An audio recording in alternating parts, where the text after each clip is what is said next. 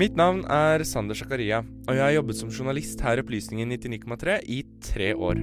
Og gjennom disse tre årene er det spesielt én mann jeg har viet mye oppmerksomhet. Johnson, Boris Johnson. Johnson, Johnson, Johnson, Boris Johnson. Boris Johnson, Boris Johnson, Boris Johnson, Boris Johnson. For dersom du er som meg og interesserer deg for britisk politikk, er det han søkelyset har vært rettet mot de siste tre årene. Fra brexit-tap i parlamentet til Theresa Mays avgang, inntredelsen i rollen som statsminister, gjenvalg, brexit-avtalen som til slutt kom, håndteringen av koronaviruset og ikke minst de nylige avsløringene om store fester under koronapandemien. Men hvem er Boris Johnson egentlig? Dette var tittelen på en sak jeg lagde for to og et halvt år siden, i august 2019. Men det er ofte med radiosaker som det er med eksamensoppgaver. Man ligger våken til langt på natt og lurer på om man kunne gjort noe annerledes. Og etter to år med luring ble konklusjonen at ja, jeg kunne gjort mye annerledes. Og det er målet mitt akkurat nå.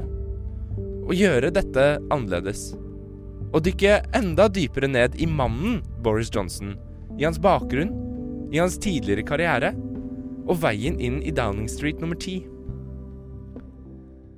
Jeg satte meg ned med min kollega Amalie Sundby for å snakke litt om Boris Johnson. Ok, Amalie, skal vi bare ta oss og kline i gang? Ja, jeg gleder meg. Ja. Kapittel 1. Eatons plebier. 19.6.1964, New York. Alexander Boris the Feffel Johnson blir født ved et sykehus vanligvis benyttet av puertorikanere. Faren gikk litt på fødselen fordi han var ute på gaten for å skaffe seg et pizzastykke men returnerte til sin førstefødte sønn. Klassisk. Kjenner meg godt igjen der. At faren til Johnson gikk glipp av fødselen, eh, det er på en måte et lite frampek, men det kommer vi eh, tilbake til. Jeg lover. Hold meg, hold meg til det. Eh, Johnsons far blir av Tom Bowler, som har skrevet en biografi om Boris Johnson, beskrevet som ubesluttsom.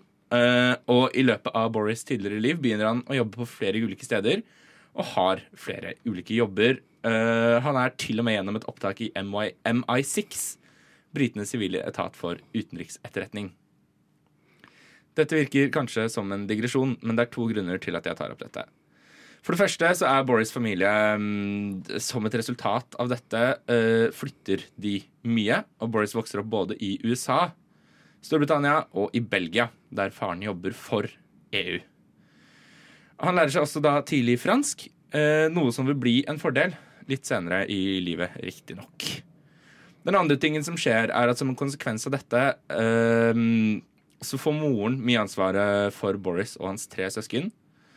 Noe som fører til at hun i 1975 går gjennom et nervesammenbrudd og deretter blir diagnosert med klinisk depresjon.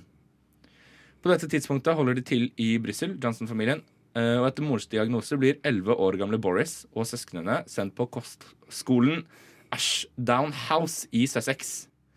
Her utvikler Boris Johnson en dyp interesse for rugby. Gjør det også veldig godt i fagene latin og klassisk gresk. Ja, For det er jo vanlig å ha på skolen, eller? I en alder av 11. Jeg husker godt mine timer i latin og klassisk gresk.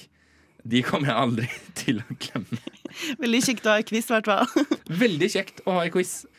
Og en siste ting å legge til ved Boris' barndom, det er at han fra tidlig av har ganske store ambisjoner. I et intervju med BBC så forteller søstera om brorens barndomsambisjoner. Whenever anyone asked him what he wanted to be, he would answer world king. That is true. And that's what he thought. He thought that was a job that he could do, and he would fulfill every criterion. What? Men han er jo godt på vei. helt sjukt. Store ambisjoner fra tidlig av. Pga. på grunn av den formidable innsatsen i disse fagene så blir Boris tilbudt et stipendiat eh, for å studere på Eton. La oss høre litt mer om Eton. Eton er en prestisjetung kostskole for gutter i alderen 13 til 18 år som ligger drøye tre mil vest for London. Siden grunnleggelsen i 1440 har den vært en vygge for nye statsmenn. 20 av Storbritannias 77 statsministre har gått på skolen. Og det samme har Ian Fleming, mannen kjent for James Bond, skuespillerne Eddie Redmayne og Tom Hiddleston, forfatteren George Orwell og ikke minst prinsene Harry og William. Elevene ser kanskje litt veslevoksne ut på avstand, der de kommer gående i stripete dressbukser og kjole og hvitt. skoleuniformen. Og dette reflekterer resten av skolen, som må sies å være eksklusiv og for de aller beste. Studieavgiftene ligger på rundt 44 000 pund for ett år, selv om mange av elevene får tilbudt stipender og ender opp med å betale noe mindre. Og dette er et veldig viktig poeng, eh, for Boris Johnsons familie de er ikke sånn spesielt rike. Faren har ikke greid å lande en ordentlig karriere som har tjent inn nok penger eh, til å ordentlig forsørge familien, og i hvert fall ikke til å sende den eldste sønnen på Eton. Um, så han får tilbudt da, som jeg sa i stad, et stipendiat for å studere på Eton. Uh, men når han kommer dit, så ser han altså ut som en uh, representant for middelklassen. Rett og slett. Da blant disse rike uh, sønnene og døtrene av aksjemeglere, politikere, kongelige osv. OK. Var det litt uh, ukult? Eller en ukul opplevelse? Det var en litt ukul opplevelse. Fordi det er en viktig ting jeg til nå har glemt å nevne. Vi skal tilbake til navnet. Alexander Boris the Feffel Johnson. For frem til han starter på Eton, blir han omtalt både av familie, venner og klassekamerater som Alexander eller Al. Men det er på Eton at Boris Johnson blir skapt. Um, fordi noen av Johnsons medelever de ransaker rommet hans og finner passet hans. Uh, The Feffel, etternavnet hans, som egentlig stammer fra hans uh, store ett. Det var derfor de ville at han skulle ha navnet, fordi han kommer fra uh, store helter, annet en tyrkisk journalist langt tilbake der. men The Feffel, det blir da altså til PP, eller tissefant for de som ønsker det. Og de lar seg da more av det andre navnet hans, Boris, og velger da altså å kalle han Boris framfor Alexander. Yes. Så der kommer altså karakteren Boris Johnson først virkelig til syne. På tross av dette, da, så er, øh, så er det ikke bare liksom navnet Boris Johnson som kommer til syne under utdanningen ved Eton. Karakteren Boris Johnson kommer også mer og mer til syne. Han blir sekretær for debattklubben. øh, som altså er et, øh, er et, sted hvor elever samles og debatterer ting, og så inviterer folk som har mye peiling på ting, for å komme og snakke. Han blir redaktør for skoleavisa, og han blir valgt til medlem i POP. POP det er en forening bestående av de mest populære guttene på Eton. Og de får da på ulike måter lov til å sørge for disiplinen på skolen. Men vent nå litt. Han går fra å være Boris Peepy til å klare å få Det høres ut som han har klart å opparbeide seg ganske mye makt og status på den skolen, da, hvis han leder gruppa for de mest populære. Uh, han leder ikke pop. Han er oh, ja. bare et medlem. Oh, ja, sorry. Eh, men uh, det, er, det, er, en ganske, ganske stor klassereise Boris Johnson går gjennom sine første år på Eton. Og verre skal det bli. fordi at her på Eton forsvinner også mange av La oss kalle det tegnene på Boris sin oppvekst i middelklassen. Uh, og det kommer av at Boris er uh, smart. På um, Eton så gjør han det fagmessig godt i både engelsk og klassiske fag. Og får priser i begge fagene. han får et stipend til å da studere sistnevnte klassiske fag på Oxford-universitetet og mellom der da, så tar han et friår for å undervise i engelsk og latin ved en elitekostskole i Australia. OK. Ja, litt over et friår. Eh, har du noe kjennskap til klassiske fag? Eh, ikke så veldig mye, men jeg har inntrykk av at det handler om gresk og latin. Det gjør det. Vi kan ta og høre litt om klassiske fag. Klassiske fag blir ofte på Oxford omtalt som the greats, og er studier i Romerriket og antikkens Hellas. Latinsk, antikk-gresk og filosofi. Fokuset i studiet er på studier av primære kilder på det originale gresk eller latin. Studiet har et omfag på fire år og gir en bachelorgrad. Poeten Oscar Wilde og forfatteren mest kjent for Narnia-bøkene C.S. Lewis har begge studert klassiske fag ved Oxford. Så eh, det er ikke bare bare eh, det Boris eh, byr seg ut på. Det er altså studier av greske og romerske tekster på latin og antikk-gresk. Ja. Da kom det vel godt med at han hadde lært det siden barneskolen, eller hva det var. Det kan være at det var en massiv fordel for Boris Johnson. Men det som er interessant, er at Boris Johnson han er ikke den eneste vi finner ved Oxford på midten av 80-tallet. Her finner vi også flere av de som skal bli sentrale i det konservative partiet. Blant annet eh, tidligere partileder William Haag. Minister for eh, Leveling Up Houses and Communities uh, i den nåværende regjeringen, Michael Gove. Og tidligere utenriksminister Jeremy Hunt. En annen sentral karakter som dukker opp på Oxford i dette tidsrommet, det er uh, nåværende tidligere statsminister David Cameron. Uh, og han gikk faktisk to år under Johnson på Eton. Han lyktes ikke i å bli tatt opp i uh, dette, dette, denne klubben Pop. Eh, og han skal selvfølgelig bli en sentral karakter i historien om Johnson. Fordi eh, studiene er egentlig ikke det mest interessante Boris tar seg til på Oxford. Selv om han fullfører med en eh, upper, sec upper second class degree i klassiske fag, eh, tilsvarende en B ved norske universiteter. Noe han for så vidt ikke er spesielt fornøyd med. Um, men det som har opptatt manges oppmerksomhet ved Boris Johnsons studier på Oxford, det er fritidsaktivitetene hans. Han var her, også her svært populær. Uh, var annet medredaktør i det satiriske tidsskriftet uh, Tributary. Samt både sekretær og president for Oxford Union, skolens debattklubb. Her møter han uh, også Max Hastings, ansvarlig redaktør i The Telegraph. Og dette er noe Boris Johnson skal dra nytte av litt senere i livet sitt. Men ikke minst så er han da medlem av den beryktede eh, Bullingdon Club. Hva er det for noe? Eh, jo, det skal jeg fortelle deg. Eh, Bullingdon Club det er en privat middagsklubb bestående eh, primært av mannlige medlemmer. De er kjent for sine velstående medlemmer, store banketter, fyll og en sånn lei tendens til å vandalisere de fleste restaurantene de spiser ved. OK. Det er historier om at en middag med The Bullingdon Club har eh, kostet eh, i etterkant eh, nesten 40 000 pund i reparasjoner. Men er det sånn at restaurantene bare vet at de betaler, så derfor så jeg, jeg tok, Hvis jeg var restauranteier, så hadde jeg bare sagt sånn Sorry, vi er fullbooka. Ja, for det er jo også en sånn ting jeg satt og undret meg over da jeg leste dette. Altså, går de bare med på det? OK, dere skal komme og ramponere. Kult! Hvem vet? Men de gjør i hvert fall det. Um, og oi, fytti gærent, det er et mikrofonstativ. Uh, og under Camerons uh, statsministerperiode blir det da dratt opp et bilde fra 1987 og blir lekket til mediene som viser både Cameron og Johnson som medlemmer av da denne Bullington Club. Uh -oh. Med andre ord det- det- Ingen av dem er spesielt stolte av det den dag i dag. Nei. Nei, de er ikke det. Men eh, vi ser da nok en gang at eh, Cameron og Johnson holder seg i mer eller mindre samme kretsen. Bullingdon Club, racing prime minister since 1987. På Oxford så møter Johnson uh, Allegra Mostin Owen. Og de forlover seg mens han studerer, og gifter seg da når han er ferdig i 1987. Men hun forblir primært en fotnote i historien om Boris Johnson. Med utdanningen i klassiske fag eh, er det jo naturlig å tenke seg at Boris vil gå etter en karriere i historie, filosofi eller litteratur.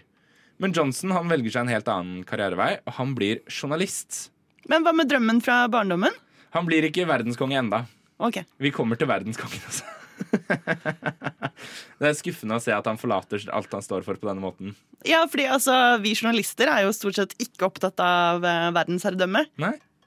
Sier vi selv, da. Altså, jo, det finnes jo folk der ute som mener noe annet, men eh, jeg lover. Johnson må altså bli en del av vaktbikkjenes vaktbikkje. Han er da altså ansatt i uh, The Times. Uh, og der, den karrieren den blir forholdsvis kort, uh, for han får sparken året etter. Eh, etter en artikkel om de arkeologiske utgravningene av kong Edward 2.s palass. Der han fant på et sitat og attribuerte det til gudfaren, eh, historiker Colin Lucas. Venta sin egen gudfar? Ja. Ok. Eh, I ettertid så sier han for øvrig også at eh, det var eh, de dumme PK-folka som felte ham. For han hadde ikke gjort noe gærent. Oh, ja. Nei, Boris Johnson gjør ikke noe gærent. Det tar imidlertid ikke lang tid før Johnson får en ny jobb innenfor journalistikken. Denne gangen som eh, journalist i avisen The Telegraph. Mm, callback, holdt jeg på å si. Eh, Frampek, backcall, et eller annet. Um, og dette er da noe uh, daværende ansvarlig redaktør Max Hasting forklarer slik i et intervju med BBC. We realized that Boris was very bright. Um, we wanted somebody punchy, aggressive, original in Brussels to really get onto the whole EU issue, which was then really becoming very big stuff in British politics.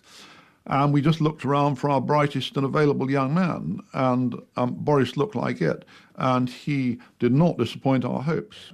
I The Telegraph, eh, som korrespondent i Brussel, så blir han kjent for, eh, og ikke minst populær, eh, for artikler om alt fra EUs ønsker til å forby rekecocktailpotetgull og britiske pølser, eh, til ønsket om å standardisere størrelsen på kondomer, noe Johnson hevdet kom av, at italienerne hadde relativt små kjønnsorgan.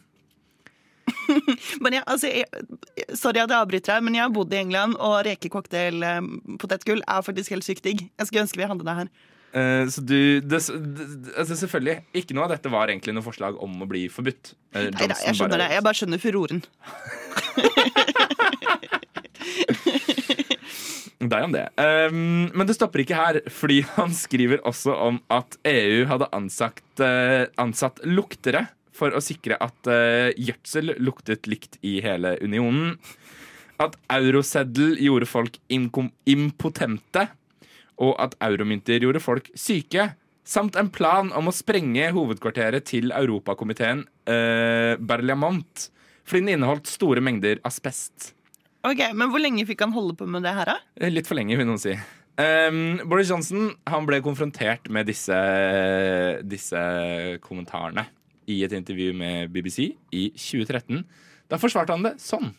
Well, I mean, you know, I think there's bit of pots and kettles going on there. Yes, there were one or two stories which perhaps, in retrospect, either because you'd slightly miscued the story yourself or because it got souped up in some way in, in its projection and, you know, the thing was a little bit over-egged or whatever. I think I once said that the Berlin one was going to be blown up, which didn't turn out to be quite true. Bygget står for øvrig den dag i dag. Eh, og så kan man si hva man vil om Johnsons uh, journalistiske integritet. Men artiklene bidrar, bidrar i stor grad til å gjøre han svært populær blant leserne av avisen. Og det ryktes om at tidligere statsminister Margaret Thatcher leste alle Johnsons artikler og likte dem svært godt. Men vent da, Likte dem som morsomme fortellinger, eller? Ryktene vil ikke, vil ikke utdype noe mer, men jeg kan tippe meg det at hun moret seg godt over det, EU-kritikeren Margaret Thatcher. Ja. Det kan vi tro. Eh, I 1990 så forlater eh, Allegra, altså hans kone, han. Eh, og i april 1993 skilles de to. Ok. Måneden etter gifter Boris Johnson seg med Marina Wheeler. Og kort tid etter får de to sitt første barn. Hvor kort? Mindre enn ni måneder? Ja, På alle måter mindre enn ni måneder. Ja, jeg bare lurte. Mm. Eh, vet du hva? Jeg sier ikke noe mer. jeg. Les mellom linjene. Du skjønner hva jeg mener. Yep. Da har vi altså snakket om eh, Boris Johnsons første, første karriere. Vi setter i gang med kapittel to. En politisk superstjerne blir født. Etter å ha dekket EU i fem år begynner Johnson eh, sin søken etter en politisk karriere. Og I begynnelsen så var det Europaparlamentet han ønsket seg til som representant for det konservative partiet. Daværende partileder og statsminister John Major likte Johnson lite og ønsket i utgangspunktet å legge ned veto mot Johnsons kandidatur, men ble overtalt til å ikke gjøre det. Johnson eh, fikk på tross av dette ikke sitt ønskede sete fordi han ikke fant en valgkrets å stille på vegne av. Eh, da valgte han heller å rette fokuset mot det britiske parlamentet. Selv om dette ikke heller uh, førte til noen valgseier. Han ble utnevnt til uh, de konservatives kandidat uh, for valgkretsen Cloyd South i Wales. Et historisk Labour-sete, og Johnson tapte valget til fordel for en Labour-kandidat. Ja. Og her innser Johnson sitt store problem. Fordi problemet er at selv om han er godt kjent blant leserne av The Telegraph, eh, vanligvis eh, middelklasse, hvite London-området, så var han ikke kjent av den gjengse brite. Nei. De har jo kanskje et litt annet forhold til aviser eh, enn oss. Ja. De har liksom, jeg tror de har veldig sånn sin avis. De har veldig sin avis i Storbritannia. Derimot eh, så snur dette seg i 1998, for da gjør han sin TV-debut i programmet Have I Got News For You. Men det er jo et humorprogram! Det er et humor... det er et humorprogram. Det er den britiske ekvivalenten og forgjengeren til Nytt på Nytt. OK? ja.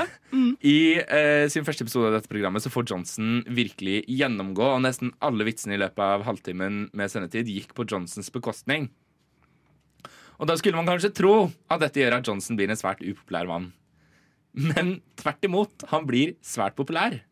Folk begynner å kjenne igjen Johnson på gata, og han blir invitert tilbake til programmet flere ganger, til og med som programleder i 2003. Yeah, yeah, yeah. Hello, hello. Good evening, and welcome to Have I Got News for You? My name is Boris Johnson, and when I first appeared as a guest on this show, I complained that the whole thing was scripted and fully rehearsed. I'd now like to complain, in the strongest possible terms, that it isn't. Du skulle til å si Nei, jeg bare tenkte på Vi, hadde jo litt, eh, vi har hatt noen sånne politikere i Norge også på Nytt på Nytt som har kommet tilbake gang på gang fordi de Jeg tør ikke å nevne navnet. Ikke gjør det. Eh, denne gjesteprogramlederrollen i 2003 blir han til og med nominert for en BAFTA-pris for. Ja. Ja. Så det ble nesten BAFTA-pris på Boris Johnson. Han tapte riktignok. Men eh, han blir populær. Og så skjer det endelig i 2001. Boris Johnson, Alexander the Boris the Feffo Johnson, blir valgt inn på det britiske parlamentet som representant fra Henley i London. Og la oss ta en liten pause idet Johnsons politiske liv begynner. For hva er det egentlig Boris Johnson står for? Jeg sendte en mail til Øyvind Brattberg, statsviter ved Universitetet i Oslo og ekspert på Storbritannia, og stilte ham dette spørsmålet. Og dette var hans svar. Boris Johnson beskrives av noen som et skip som kan fylles med prikk, prikk, prikk. Og det er mye sant i det. Han har ingen skarp ideologisk profil. Det nærmeste man kommer, er vel en slags frihetselskende patriotisme. Den handler om å stole på folks sunne fornuft og være stolt over eget land og historie. Han er verken sosialkonservativ eller markedsliberal, to merkelapper som flere av partiene gjerne vil bære. Han er først og fremst seg selv. Og det at Boris Johnson først og fremst er seg selv, det kommer til syne under hans første periode i parlamentet. Her stemmer han mot sitt eget parti en håndfull ganger, spesielt når det kommer til skeives rettigheter. Både ved å stemme for et forslag som tillater mennesker med kjønnsdysfori å endre kjønn, dette gjorde han i 2004, og et forslag som fjernet den kontroversielle, sek øh, kontroversielle Section 28, som forbød promotering av skeive livsstiler og legninger av staten. Ja, vent, da. Var det forbudt i 2004? I 2003. Ok. Så eh, ja, det var forbudt. Ja. Eh, derimot stemmer han eh, ved flere anledninger også mot sine egne uttalte meninger. Spesielt i 2003, når han stemmer for invasjonen av Irak. At britene skal bli med på amerikanernes invasjon av Irak. På tross av at han kort tid tidligere hadde hevdet at han ikke ville gjøre det, og tre år senere sa at han angret på at han gjorde det.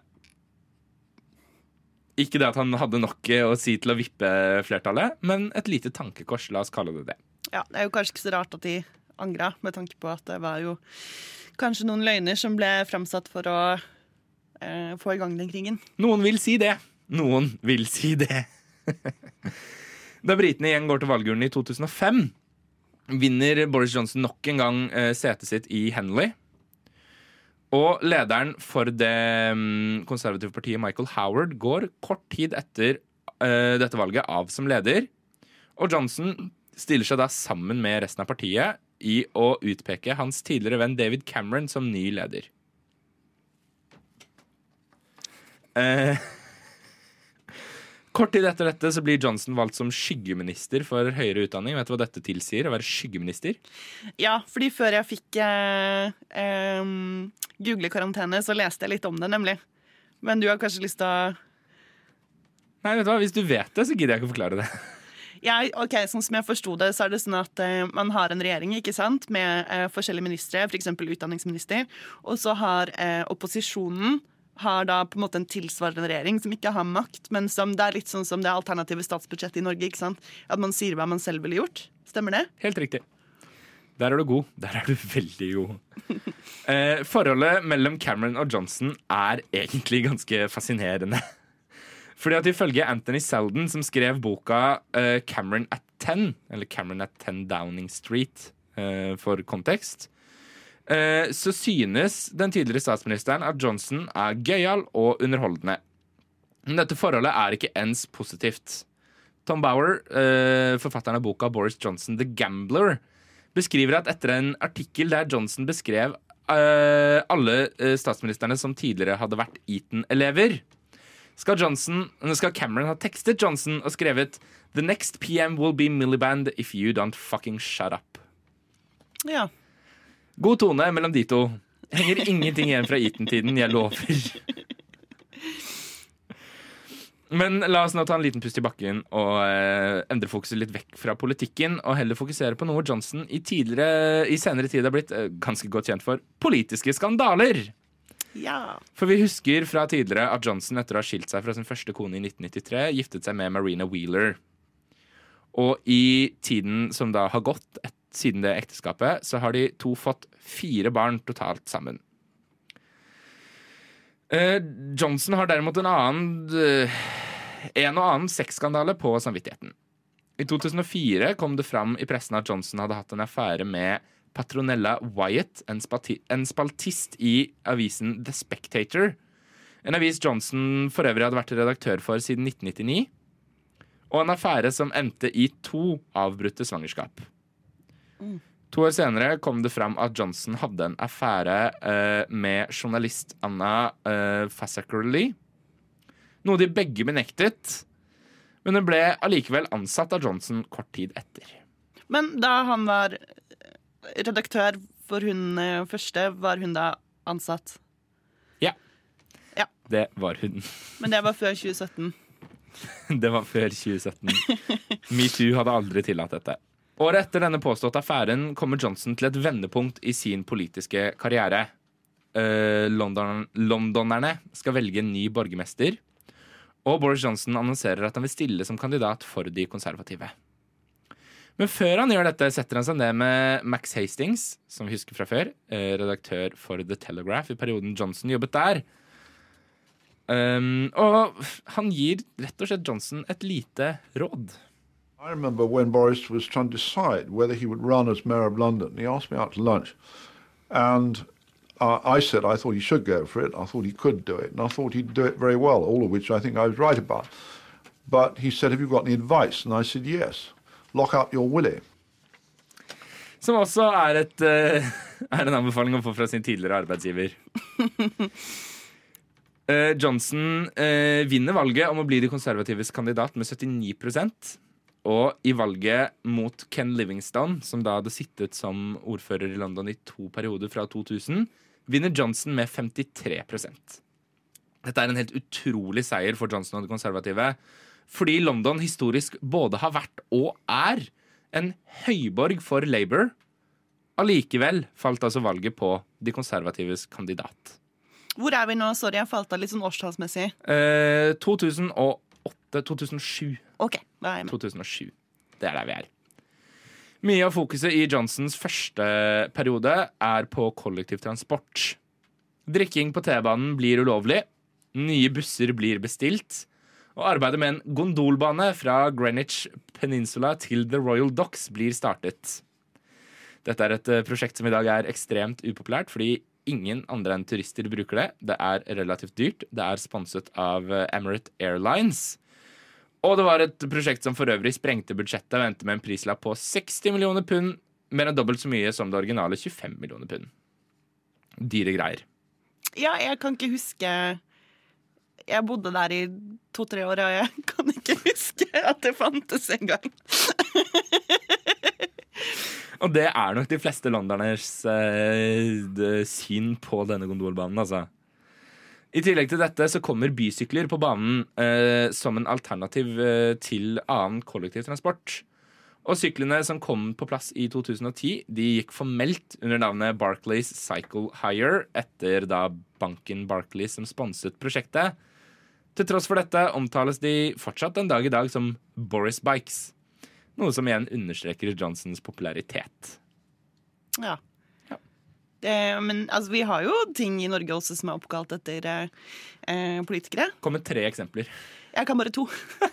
Det er Brustadbua og Fjoseposen.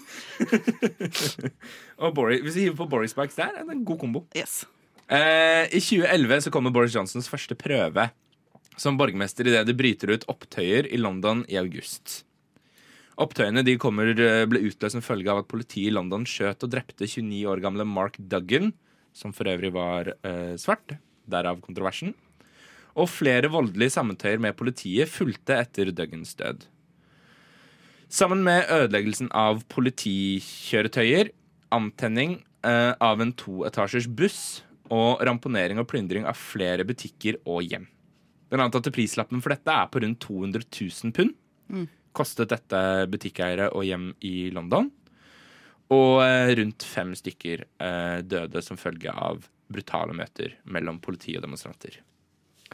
Mens dette finner sted, så er eh, Johnson og familien på ferie i Canada. Og det tar Johnson 48 timer før han er tilbake i London.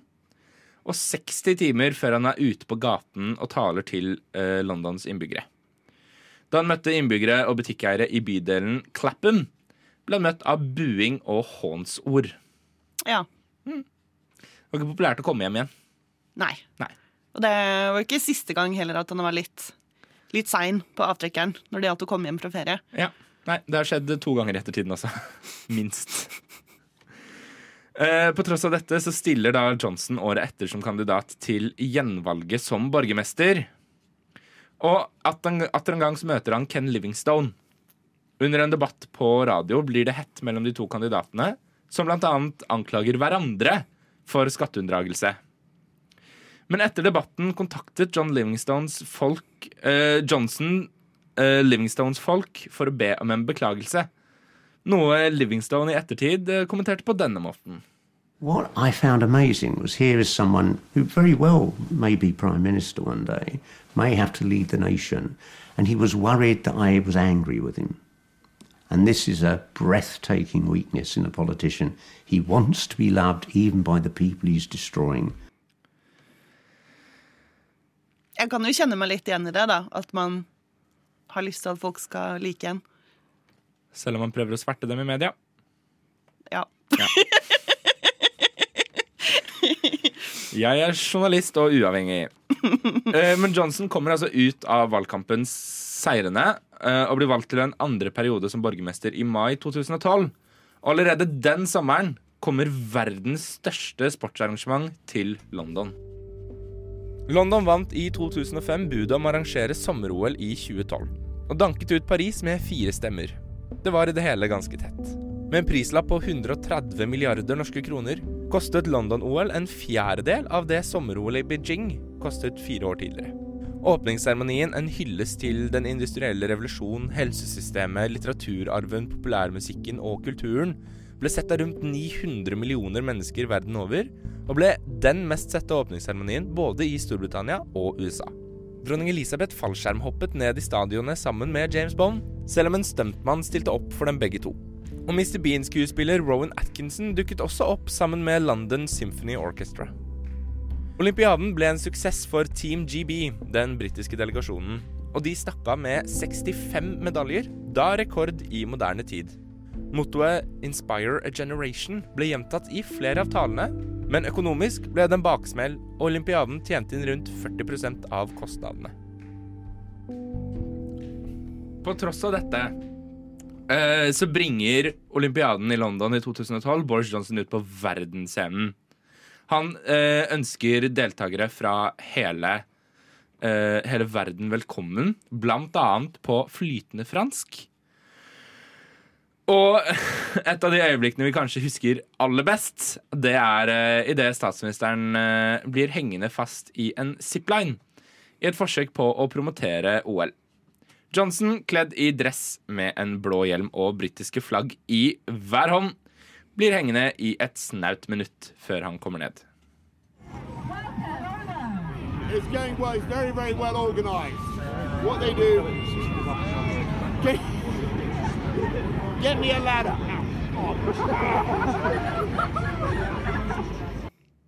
Get Me a Ladder, Boris Johnson 2012. Eh, Johnson omtaler for øvrig selv olympiaden i London som den beste verden noen gang har sett. Mangler ikke selvtillit. Det gjør han ikke. Nei.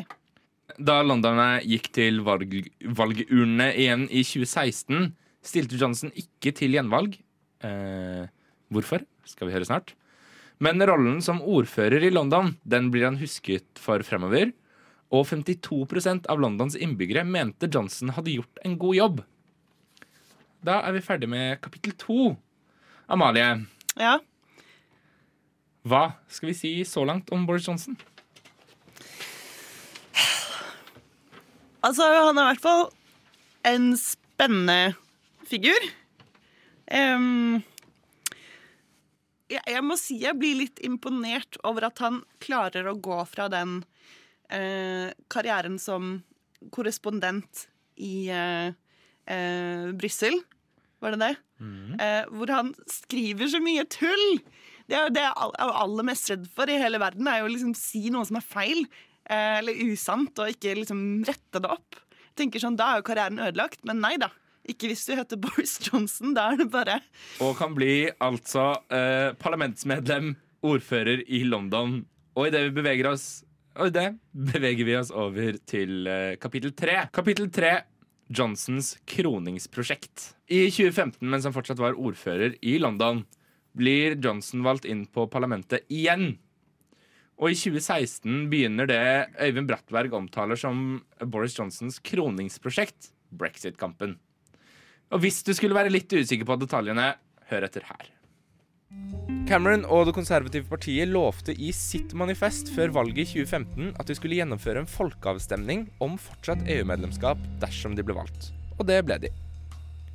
Valget ble avholdt 23.6.2015 og hadde en oppslutning på 72% Livsiden, de som ønsket å forlate EU, vant med 51,8% av stemmene.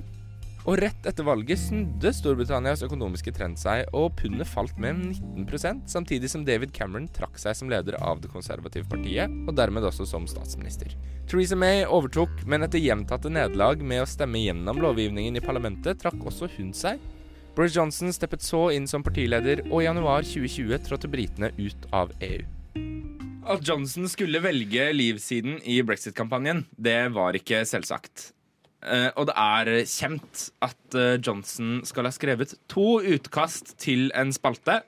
En for Liv-siden og en for Remain-siden. Før han så velger spalte og publiserer uh, Liv-artikkelen. Dette eh, glemmer man ikke om Boris Johnson, og Keir Starmer latterliggjorde dette i en parlamentsdebatt i 2020. This is, the this, this is the former columnist who wrote two versions of every.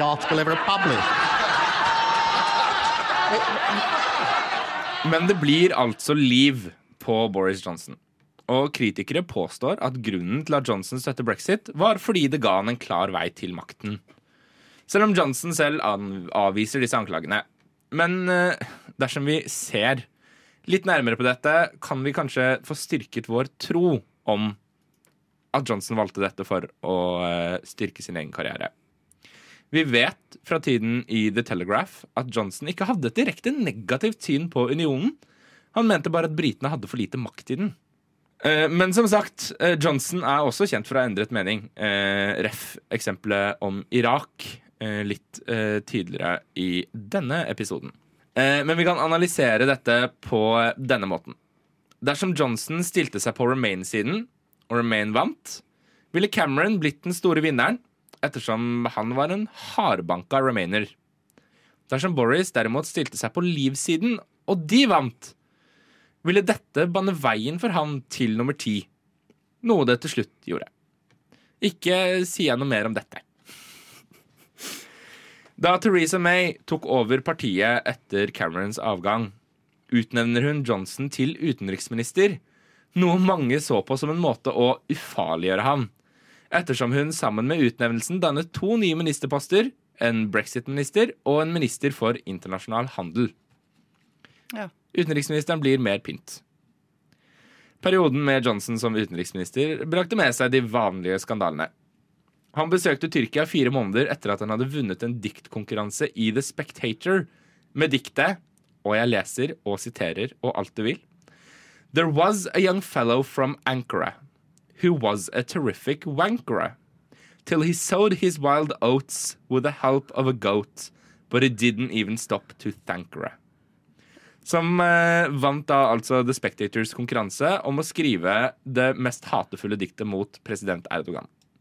Ja. Ja. Dit reiser han fire måneder senere. Men, men hva slags avis er The Spectator, egentlig? En høyresideavis. La oss si det Ok. pent. Boris Johnson skal også eh, ha forhindret eh, FN i å undersøke påståtte krigsforbrytelser begått av Saudi-Arabia i Jemen. Ok, Hvorfor det? Medlem av Sikkerhetsrådet, vet du. Ja. Er jo Storbritannia. I 2018 så trekker Johnson seg som utenriksminister fordi han mener avtalen eh, som da ligger framme med EU, gjør Storbritannia til en EU-koloni. Knapt ett år senere skal han sørge for at den samme avtalen med noen modifikasjoner blir vedtatt. Det, det var jo ikke så lett å få til de avtalene, da, så hadde vel kanskje ikke så mye. Kan være at han plutselig innså det selv. Ja. Kort tid etter dette så blir det nok en gang skandaløst for Boris Johnson uh, idet han sammenligner kvinner i burka med postkasser og bankranere. Visstnok i et forsøk på å forsvare dem fra det han anser som undertrykkelse. Når pressen i etterkant av dette dukker opp på Johnsons dør, nekter han å svare på spørsmål, men sørger heller for at journalistene har det bra. Would you like a cup of Do you regret your comments? Do you regret your comments? Don't sir? worry, go on, have a cup of tea. Thank you very much. There you go. There you go. Do you regret your comments, sir?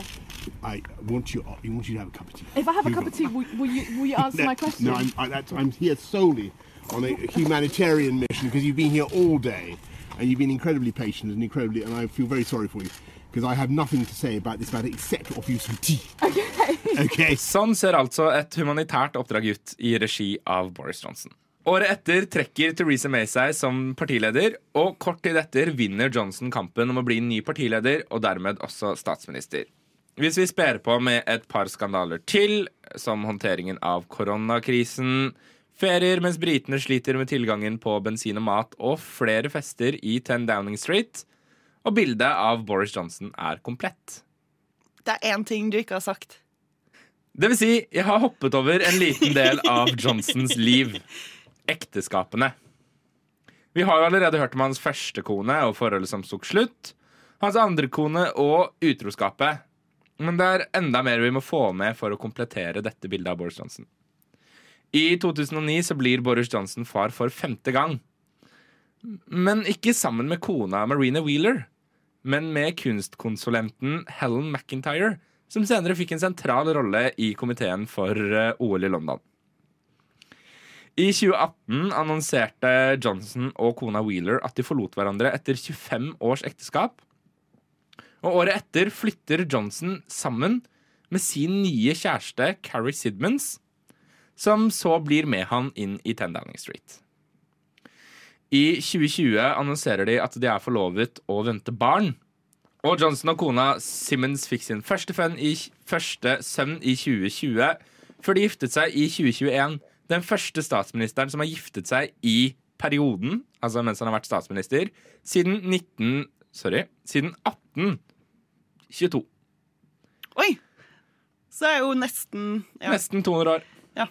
Ganske nesten akkurat 200 år. I desember i fjor, altså i 2020, blir dattera Romy Iris 2021, var det i fjor? Det var 2021 i fjor. I desember 2021 så blir da dattera Romy Iris Charlotte Johnson født. Johnson har da altså minst syv barn. Men det spekuleres i at det er flere barn der ute som har Johnson som far. Det overrasker meg ikke, basert på det jeg har hørt nå i dag. Var det noe annet du følte vi manglet, eller? Ja, eller jeg lurte på det der med håret. Dette med håret, ja! Ja, for det er jo noe vi gjerne kjenner Boris Johnson med. Dette litt rufsete, blonde håret som står litt av alle kanter. Ja, Uh, og um, trenger vel egentlig ikke å si så veldig mye mer om uh, det, enn at det går rykter om at Boris Johnson ofte før han skal gå på scenen, stopper ved scenekanten, rufser til håret sitt og går opp på scenen. Ja. Men eh, ja, du sier det er bare et rykte.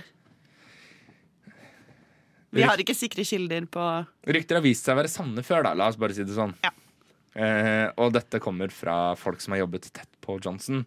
Eh, så sannsynligheten er jo der. Det skal jo ganske mye til å ha så rufsete hår hele tiden. Ja, det det, det det viser til en mangel på kam. Det tror jeg vi kan si. Men så ender vi da altså på dette endelige spørsmålet som jeg har forsøkt å besvare nå. Hvem er egentlig Boris Johnson? Han har en utdanning fra Eton og Oxford. Han har jobbet som journalist. Fikk sparken fra sin første jobb. Vært nominert til en BAFTA-pris. Vært ordfører i London, utenriksminister i Storbritannia, brexit-general og ikke minst statsminister.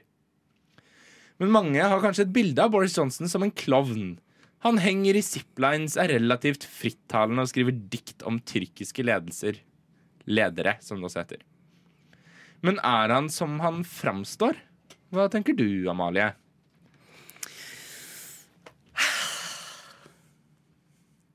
Vet du hva, jeg syns det er veldig vanskelig å svare på. Men eh, han eh, Det jeg kan si, er at han har jo i hvert fall klart å manøvrere livet sitt veldig godt.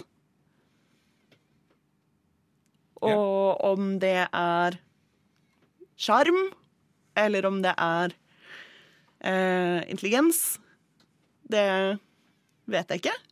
La oss heller høre hva Max Hastings, tidligere redaktør for The Telegraph, Lord Black, tidligere eier av The Spectator, avisen Johnson både var spaltist i og eh, redaktør for en kort periode, og lord Coe, formann i komiteen for London-OL i 2012, de skal få lov til å besvare dette spørsmålet. Boris isn't pretending to be chaotic. He really is utterly chaotic.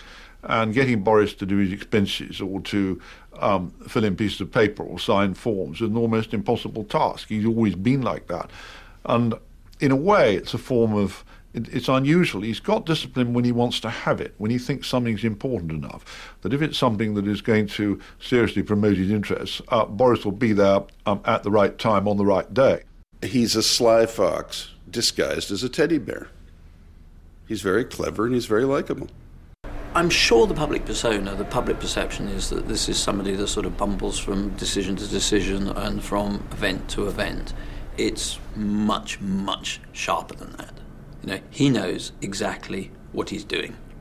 You know, I don't believe there's a moment of his day that isn't choreographed to either London or him.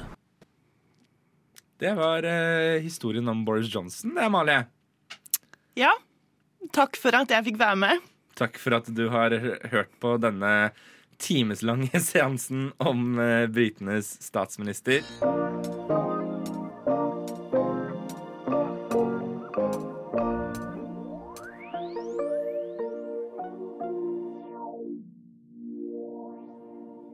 Innslaget du nå har hørt, bruker lyd fra BBC, House of Commons og ITV.